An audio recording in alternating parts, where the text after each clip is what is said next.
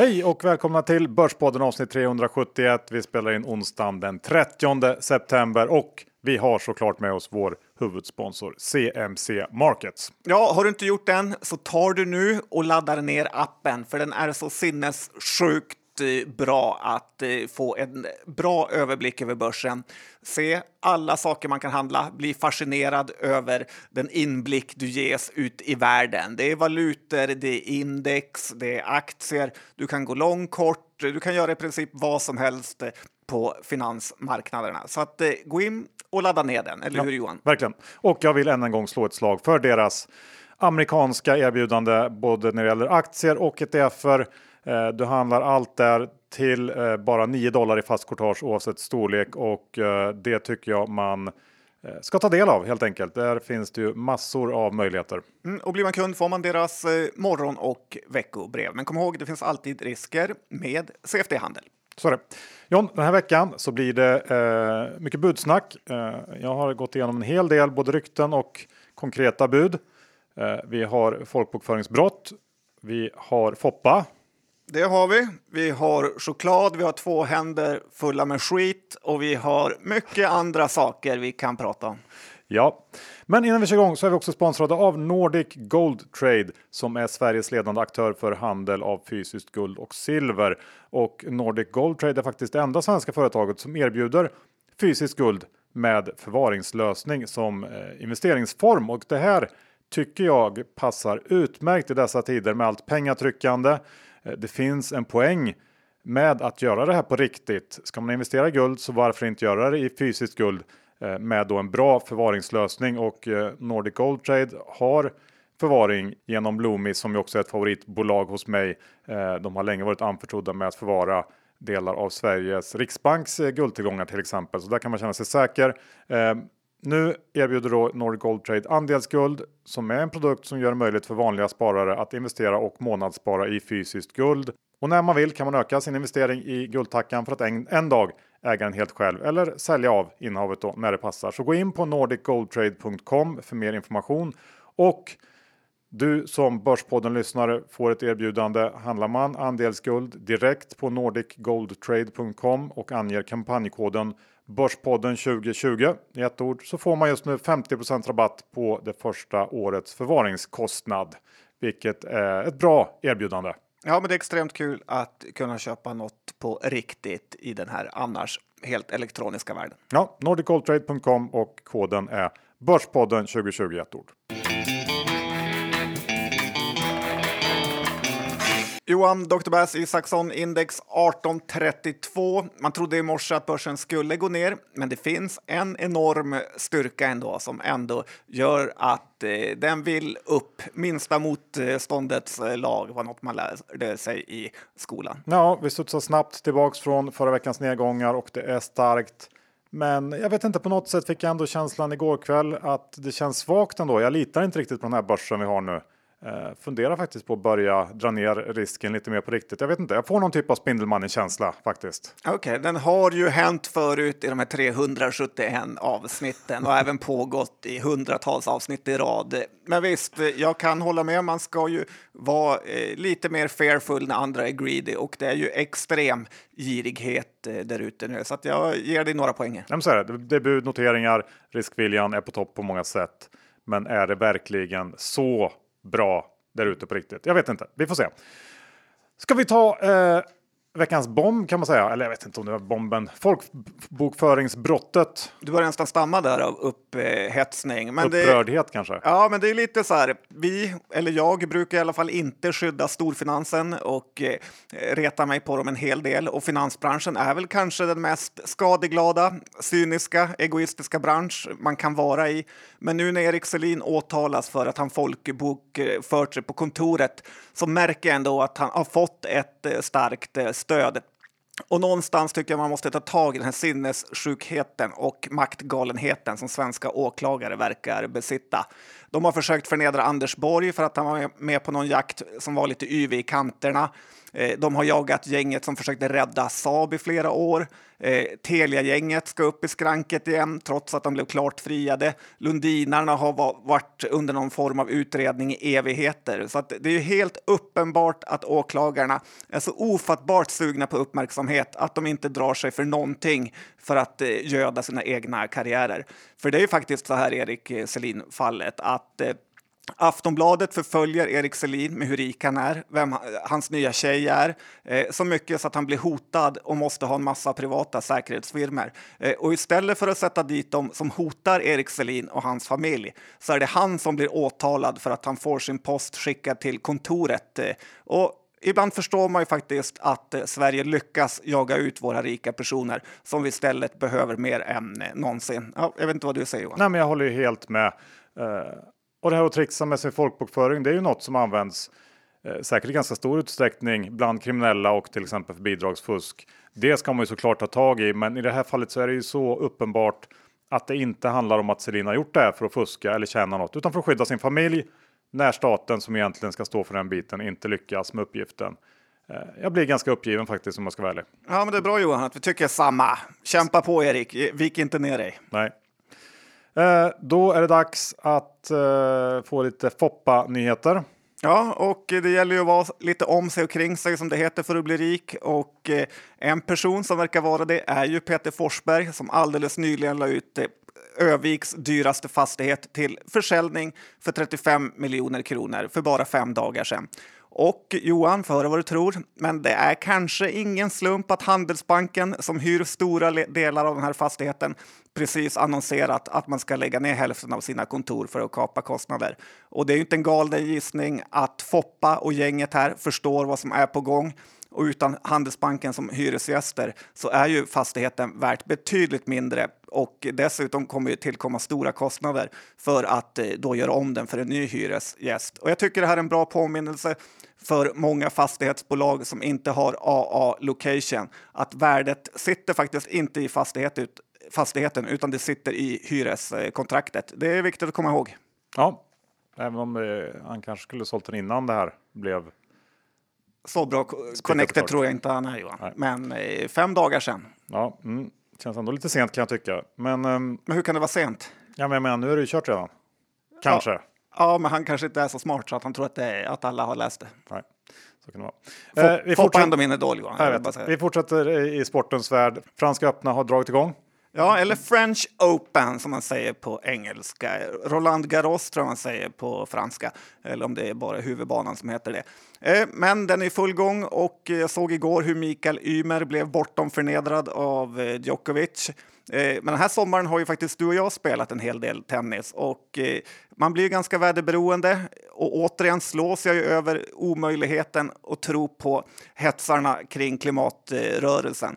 För flera gånger när man har bokat en bana utomhus och tittat på SMHIs eller Googles eller Yrs eller allt vad de heter, vädersprognoser, eh, så ska det vara sol, men nästa dag är det ändå regn.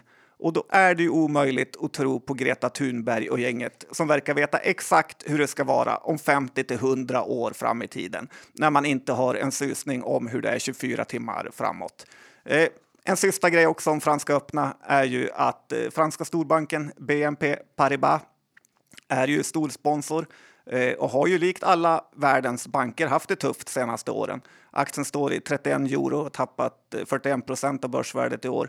Eh, lite sån här Lundin Energy-vibbar då man också utreds för någon typ av människobrott i Sudan här och tappat 20 procent bara senaste månaden. Men det som är intressant är ju att de senaste fem åren så har ju BNP faktiskt delat ut 14 euro i utdelningar vilket nästan är halva nuvarande börsvärdet. Och det tycker jag ändå visar på att utdelningar ger en viss form av kudde inom investeringar, även om det verkar helt eh, bortglömt nu inom den här teknikhypen eh, vi har. Så är det. Nu ska vi avsluta första delen med eh, den första presidentvalsdebatten som gick av stapeln igår kväll, natt. Ja, den gick ju i natt här faktiskt. Jag tittade lite på den i morse och det är ju underhållning, så har man eh, en och en halv timme över så tycker jag faktiskt att det är värt att eh, titta på. Det påminner lite om när man sitter på ett sånt här bostadsrättsföreningsmöte och två gubbar är ovänner och säger taskiga saker till varandra medan ordföranden helt har tappat eh, kontrollen. Och det var ju väldigt kul att se, men man kan väl säga så här att eh, alla som hatar Trump och tror att om Biden vinner så kommer alla världens problem lösas så tror jag att eh, de kommer att ha fel. För han var faktiskt oväntat gaggig 78-årig gammal gubbe här. Så att jag vet inte riktigt vad man ska tro på eller vem man ska heja på. Eh, tänker man bara på börsen så är nog Trump ändå börsens favorit.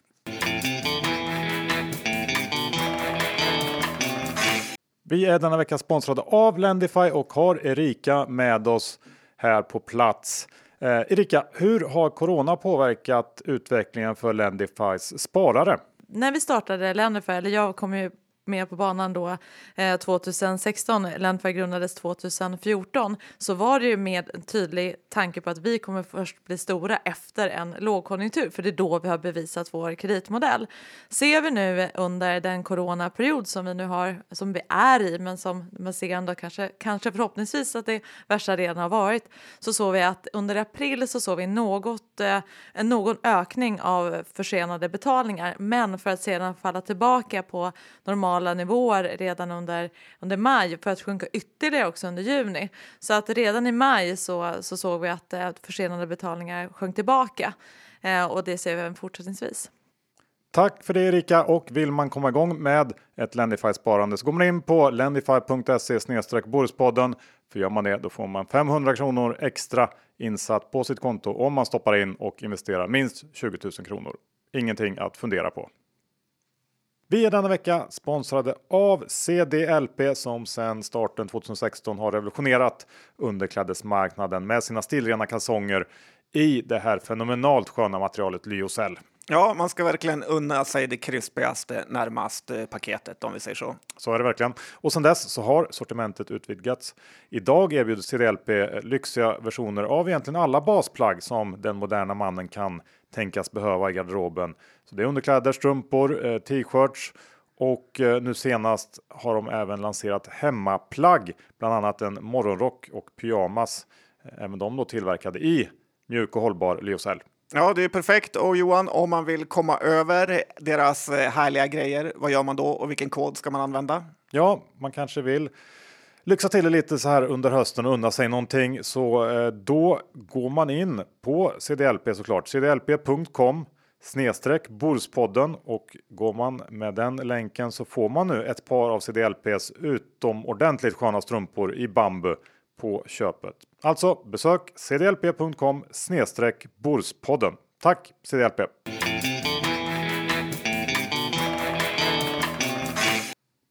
John, ska vi börja snacka lite bud? Det har ju varit en budintensiv vecka med både rykten och eh, konkreta affärer. Eh, jag tänker vi kan börja med eh, Gunnebo. För i måndags damp budet ner eh, signerat Stena och Altor. Eh, 25 kronor per aktie får alla hårt beprövade aktieägare, vilket innebär en premie på 33% Men på den nivån så är man faktiskt inte ens tillbaks där man började eh, 1 januari i år vid årsskiftet där. Eh, styrelsen rekommenderar det här budet och de största aktieägarna har tackat ja. Stena och Altor menar att det kommer krävas nytt kapital för att få ordning på det här bolaget och att den förändringsresan görs bäst i en onoterad miljö. Eh, vad ska man då tycka om det här? Eh, om jag börjar John så kan jag väl eh, se på det på lite olika sätt. Det är ju skönt att slippa eh, en av börsens absolut största underpresterare. Men jag tycker ändå att det sticker lite i ögonen den här turnaround-resan i Gunnebo med Stena i förarsätet har ju pågått egentligen sedan urminnes tider utan resultat. Ehm, och aktien stod inför det här budet på mer eller mindre all time low nivåer. Och i DI så säger också Altor att man har pratat ihop sig sedan början av 2019 och att budgivarna tillsammans sett en väldigt tydlig väg för bolaget. Eh, potentialen är stor men det krävs mycket hårt arbete och nya finansiella resurser är citatet. Eh, men då har man alltså haft mer eller mindre konkreta planer på det här i eh, ja, snart två år.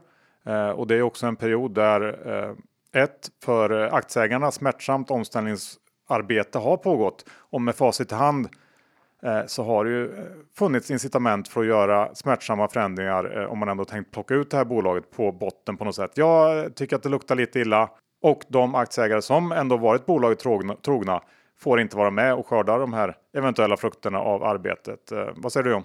Nej, men den som någonsin säger att de respekterar Stena-sfären som ägare efter det här kommer jag inte vilja vara kompis med. Det är ju helt otroligt vad kassa huvudägare de har varit och dessutom nu eh, lurar av aktieägarna det sista i princip på botten, även om budet är 33 procent upp från kursen. Så att, nej, jag tycker att eh, ja, det är väl bara acceptera, men jag är inte imponerad.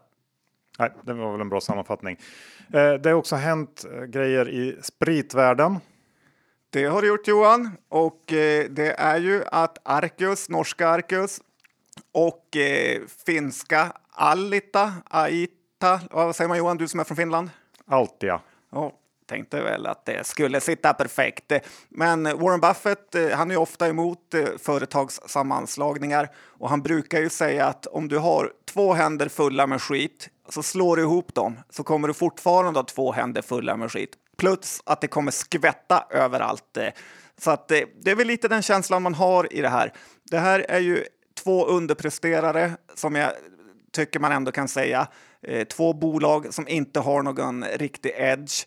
Eh, det finska bolaget är mest känt för den här eh, lite halväckliga päronkonjaken Santé och eh, alkis-vodkan eh, Koskenkorva. Medan Arcus har ju mest olika snapsar som är väl på dekis och eh, är ju distributör av bland annat eh, viner och Fireball och lite sånt. Så att i grunden är det här två ganska dåliga affärsverksamheter. Eh, distribuera billigt vin till Systembolaget eller spritmonopolet i Norge och sen ha lite såna här uh, ja, second level spritsorter och sen massa integrations... Second level alltså? Ja, vad heter det? Tier, andra lagret, Johan. Sekretär. Inte top shelf om okay. säger så. Mm, mm. Det var det jag menade. Mm. Eh, och eh, massa integrationsproblem, engångskostnader som alltid, alltid uppstår vid sådana här sammanslagningar. Så att, eh, nej, det här bolagsbygget tycker jag faktiskt inte är något att ha. Nej, bra. Då kan vi bara avskriva det och gå vidare till nästa eh, budrelaterade ämne och det handlar ju om um, Better Collective och Catena Media. För i veckan kom det nya uppgifter om det här budryktet som Bråse uh, var först med några veckor sedan. Uh, Ska du säga förlåt till honom eller? Du var Nej, ganska så elak. Nej, men det var ju fel då. Mm, ja, visst, om du ska på ett sätt. Nej, men visst, han hade ju. Han hade ju... Känns bättre efteråt Johan. Han, hade ju... han verkar ju haft bra intel så att visst, förlåt eh, Bråse. Eh, men eh, det handlade om att Better Collective skulle vara intresserad av att köpa Catena Media och enligt de här nya uppgifterna så ska Better Collective kommit med tre indikativa bud på Catena som styrelsen tackat nej till. Och de här buden ska alla ha varit egna, helt egna aktier. Det sista indikerar en budnivå på 51 kronor, eh, vilket även det då avvisades av Catena Medias styrelse. Och eh, det troliga är väl att Better Collective gav upp efter det sista eh, försöket där eftersom storägarna eh, i Betco sålde en, en eh, jättepost där i mitten av september Eh, men man förstår verkligen rationalen bakom det här budet. Eh, Better Collective är väldigt sportbettingtunga och skulle må bra av lite mer kasinotillgångar och eh, man är säkert också sugen på Catena Medias USA-tillgångar. Och utöver det finns det ju säkert synergier att hämta hem också. Men som Catena Media-ägare så tycker jag ändå man kan se det här som någon typ av kvalitetstecken att de erkänt duktiga entreprenörerna på Better Collective verkligen ville ha Catena Media och att styrelsen eh, inte tvekar på att tacka nej även över 50 spänn säger också något om bolagets egna syn på läget just nu. Så att, ehm, eh, jag har sagt det tidigare här, du har varit lite neggig men jag säger det igen, jag tror att det finns mer att hämta i Catena Media faktiskt här eh, närmsta tiden. Ja, men det är ju intressant och man vet ju inte i och för sig om det är eh, sant med de här olika nivåerna som anges. Men det är klart, att eh, det är imponerande att ett bolag vill gå in i kasinobranschen när det är ofta den man vill eh, bort från och in i sportspelbranschen. Eh, Catena Media, jag har köpt lite aktier efter det här, även om det var eh, på högre nivåer än jag sålde på. Men jag tycker ändå det är kul att följa eh, caset. Mm. Och eh, om vi ska fortsätta i spelvärlden när det gäller bud så är det ju inte bara på hemmaplan det händer grejer. Det har också blossat upp, eh, jag vet inte om man kan kalla det budstrid, men i alla fall eh, så har den amerikanska kasinooperatören Caesars Entertainment och eh, riskkapitalbolaget Apollo eh, börjat buda på brittiska William Hill och allt tyder väl på att det blir Caesars som går vinnande ur den här striden. Ehm, man har redan ett samarbete på den amerikanska marknaden som ger William Hill rätt att erbjuda sportsbetting på Caesars eh, kasinon och under deras licenser och eh, Caesars har också då hotat med att skrota den här dealen om Apollo köper bolaget och det bör väl dämpa riskkapitalisternas sug eftersom det är just den amerikanska marknaden man vill åt. Det har bägge två budgivare sagt och eh, Caesars eh, har varit tydliga med att övriga delar utöver de amerikanska kommer att avyttras om en affär blir verklighet. vilket är lite sjukt eftersom det är en bit över 90% av bolaget som man då helt enkelt inte är intresserad av. Ehm, och det öppnar ju i sin tur upp för fler affärer. Ehm, Betfred har uttryckt intresse kring William Hills eh, spelbutiker i UK. De har 1400. Ehm, det var 15 000 för några år sedan, men den marknaden har väl haft lite tufft. Sen så har vi online-delarna. Vi har William Hill i UK och vi har William Hill International och eh, svenskkända Mr Green och här finns det ju säkert en hel del intresserade tagare. Kindred kanske kan vara intresserad av någon del. Betsson, eh, vars tidigare vd Ulrik Bengtsson nu rattar William Hill, kanske också vill ha någonting. Eh, och beroende på vem som köper vad kan det också påverka Kambi. William Hill har ju i dagsläget sportsbettingen in-house och därmed så har det alltid varit en ja, en spelare som inte varit aktuell som kund för Kambi, men det kan faktiskt ändras nu. Så det är i alla fall en väldigt spännande utveckling som kan flytta om en del eh, i online-spelkartan här i Europa. Så, och jag tycker att alla spelintresserade ska följa utvecklingen här framöver. Ja, men det är kul att följa eh, den amerikanernas hås. Finns även risker för Kambi där till exempel om Kindred skulle bli utköpta så är det ju lite svajigare för Kambi då de är största kunden. Eh, Leo Vegas skulle kunna vara intresserade också av eh, Mr Grön så att eh, det känns som att det definitivt kan hända saker inom eh, den sektorn. Ja, så är det. Det har man ju väntat på länge, länge och eh, nu verkar den här konsolideringen eh, kanske ta fart på riktigt. Nu byter vi spår och eh, tar upp Cloetta. Ja, och säger man gör det rätta så måste man stänga av den här podden genast. Det, är så här, höjda riktkurser har kommit, eh, aktien börjar röra på sig. Efterutdelning på 50 öre annonserades igår, vilket alltid är positivt, även om bolaget eh, själva sa att man inte ska tolka det som att det går bättre än väntat. Det snackades också i dagens DI om att Orkla ska köpa upp Typ, eh, Cloetta och det är väl i och för sig att damma av det äldsta av alla rykten som någonsin funnits eh, på börsen. Eh, och ändå hyfsat otroligt tycker jag med tanke på att ägarfamiljen, de här, vad heter de, Malfors Promotor, 20 juli köpte en miljon aktier. Lite nära inpå här inför ett bud om de har någon typ av ära. Eh, men det är ändå ganska så stor möjlighet att eh, Cloetta kommer göra ett eh, OK Q3 för det är ju faktiskt en av få aktier som inte studsat upp här efter vår lilla coronakris. Men i grunden har väl inte jättemycket förändrats i världen, så den här aktien borde kunna ta ett kliv på några kronor till. Eh, långsiktigt tycker jag ändå man kan sätta vissa frågetecken till hur det här bolaget eh, sköts. Och de har inte direkt gjort sina aktieägare lyckligare de senaste åren. Eh, Bengt Baron, sen han försvann, har det ju bara blivit sämre och man skulle gärna vilja se något typ av nytänk för Cloetta. Personligen tycker jag att det är synd att de har förintat eh, sina varumärken, till exempel kexchoklad som skulle kunna vara en premiumprodukt, men istället är någon typ av bulkvara som ligger i översvämmade korgar på Ica Maxi med skylten 4 för 20 spänn. Så att, nej, de har förstört sitt varumärke lite. Jag håller med om det. Och Känns det som ett strategiskt misstag att ge sig in på den äckliga lösgodismarknaden? Ja, eller vad menar du? De har väl alltid varit där? Jo, men att köpa Godiskungen eller vad de heter. Candy King. Ja, ja nej, det är ett bolag man inte skulle rört. Nej. Um, ska vi säga några ord om uh, nynoterade Readly också? Ja, det kan vi göra. Ett annat bolag som kanske inte borde kommit på börsen. Finnas. Precis. Eh, bra Johan, du är het idag. Men det är ju lite irritation där ute märker man vad gäller Readly. I Affärsvärldens golvet stod det att folk har börjat fråga sig om det ens är lagligt med en sån här green show som ABG har använt sig av för att återköpa aktier. Bråse sa ju det, och mycket Bråse nu, börjar tröttna på honom lite, eh, sa ju redan innan att Readly, innan Readly gick till börsen att man faktiskt eh, skulle fundera på att ställa in den här noteringen då det var extremt mycket nya förutsättningar när två av tre förlag hoppade av har i Sverige. Och ja, vi pratade nyss om Candy King, men de ställde ju in sin eh, notering när deras fabrik eh, brann ner. Och en ganska stor skugga faller nu över ABGs korpavdelning och deras girighet och ändå trycka ut det här på börsen utan att sänka noteringskurs eller någonting. Eh, man skulle ju kunna hävda att aktien ändå bara fallit 10% sen den gick in.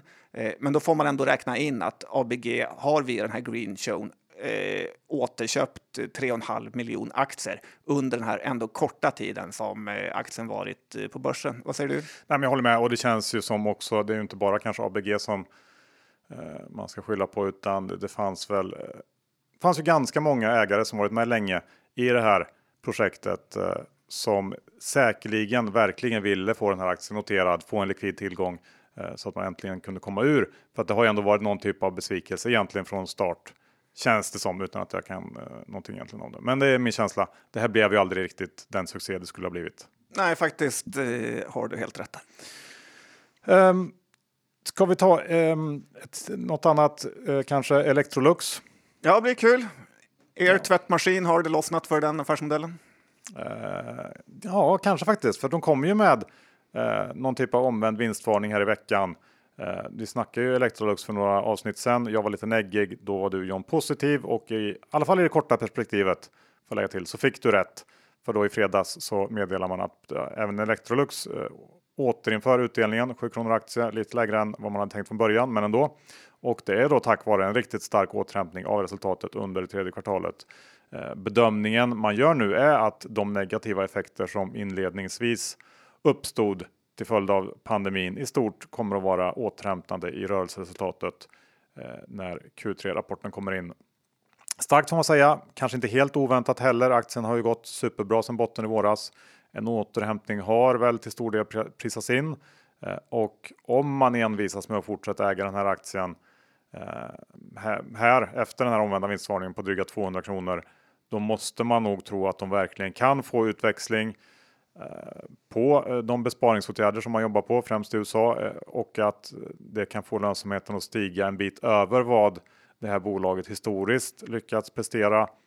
Eller att den nya corona-vardagen med mer hemmatid är någon, en, ja, en tillräckligt stark och bestående trend för att det ska gynna Elux på ett mer bestående sätt. Jag är tveksam till bägge. Tror att Elux har gjort sitt för ett tag framöver. Ja, över 200 spänn så är det inte intressant alls. Nej, det är klart man har fått en fin eh, uppgång. Börsen brukar ju dock gilla bolag som presterar bra och eh, kan eh, värdera upp dem bara med högre P-multipel. Så det är väl en chans. Övrigt så är väl det mesta uttaget redan nu. Bra, då lämnar vi det och går in på SAS som eh, är mitt inne i sin eh, nyemissionshärva och den här veckan så har rätterna avskilts från aktien och det har skapat oreda. Ja, Scandinavian Airline Systems, Johan, har spårat ur och börjar väl igår. Eh, aktien är ju värd alldeles för mycket nu eh, och jag vet inte hur det ändå i all den här digitala världen kan hända saker som hela tiden händer på börsen. Men eh, tydligen så kan aktien gå upp 30-40 procent på helt fel saker. Men grejen är om vi tittar lite på längre sikt, att jag var i Umeå i helgen, flög dit med SAS, eh, både tur och retur, två fullbokade flyg. Eh, och jag chockades ändå över hur flygtrafiken kommit igång, eh, som man inte tror när man läser mainstream medias rapportering av eh, hur det går. Eh, jag tog en bild på måndagens flygavgångar och nästan var femte eller var tionde minut så går det ett plan. Eh, så att eh, i min egen bok så har jag faktiskt kortat ner tiden till att när allt blir som normalt igen. Och eh, tittar man också på hur människor agerar på Arlanda eh, så var det ganska så stor disrespekt för munskydd eh, trots stora skyltar överallt. Eh, så att eh, ja, jag tror nog att politikerna får ta och inse att folket har genomskådat det här och faktiskt anser att eh, krisen är över oavsett eh, vara eh, hot shots-älskare att säga. Eh, så att eh, vill man ta ett bett på flygindustrin eh, att den kommer gå tillbaka så kan man i princip eh, bara välja och vraka. För varenda flygbolag är fullständigt utbombat aktiekursmässigt. Finnair, SAS, Lufthansa, KLM är ju några europeiska flygbolag som man kan eh, enkelt handla. Så har vi Delta Airlines, Alaska Airlines och Southwest som är amerikanska giganter om man vill gå in på den marknaden. Och alla de här bolagen jag nämnde har nästan tappat mellan 50 och eh, 70 procent. Så ska man köpa när det flyter blod så är det fortfarande läge i den här sektorn. Ja, men det, är ju, det där är en, ändå en contrarian spaning som jag måste säga att jag gillar. Eh, osäker på om du har rätt, men eh, ja, det ligger ju definitivt inte eh, i konsensus eller i kurserna att du skulle ha rätt. Så att det kan ju vara värt en bett bara på grund av det. Ja, men vad gäller SAS så ska man avstå och köpa den aktien närmsta dagarna. Slut på avsnitt 371. Vi tackar vår huvudsponsor CMC Markets. Gå in och öppna ett konto, ladda ner appen. Eh, Det är ett måste om man är en aktiv börsspekulant. Ja, för inte annat så är det en väldigt kul nöjesfaktor i det hela. Så är det. Och eh, missa inte vår nya sponsor nordicgoldtrade.com. Eh, fysiskt guld eh, och silver som eh, då förvaras eh, av Loomis Sverige AB. Och eh, det här tycker jag är en intressant investeringsform. Ska man investera i guld, varför inte göra det på riktigt och inte i någon konstig pappersprodukt? Eh, använd koden Börspodden 2020 så får man 50% rabatt på första årets förvaringskostnad. Gå in på nordicgoldtrade.com. Ja, lite kul att öka sin andel i en guldtacka med tiden. Ja, och eh, Lendify. Vill ni komma igång med ett Lendify-sparande, gå in på lendify.se snedstreck Börspodden så får ni den här extra fem hunkan när ni stoppar in och investerar minst 20 000 kronor. Och det vill man, för det är en gratis lunch Det vill man. I Stockholm. Yes. Och John, Dina kalsonger. CDLP. Det är inte så mycket att fundera på där heller. Gå in på cdlp.com Börspodden för att få ett par av de här supersköna strumporna i bambu på köpet. John, hur ser det ut med innehav den här veckan? Jag har Kambi, Kindred är väl det jag kommer på som vi pratade, gick igenom. Mm, eh, Kambi också, Catena Media har jag. Ja, det har jag också. Eh, I övrigt, nej. Annars är det lugnt. Eh, så att vi säger så. Tackar för den här veckan. Hörs om en vecka igen. Hej då! Det gör vi. Hej då!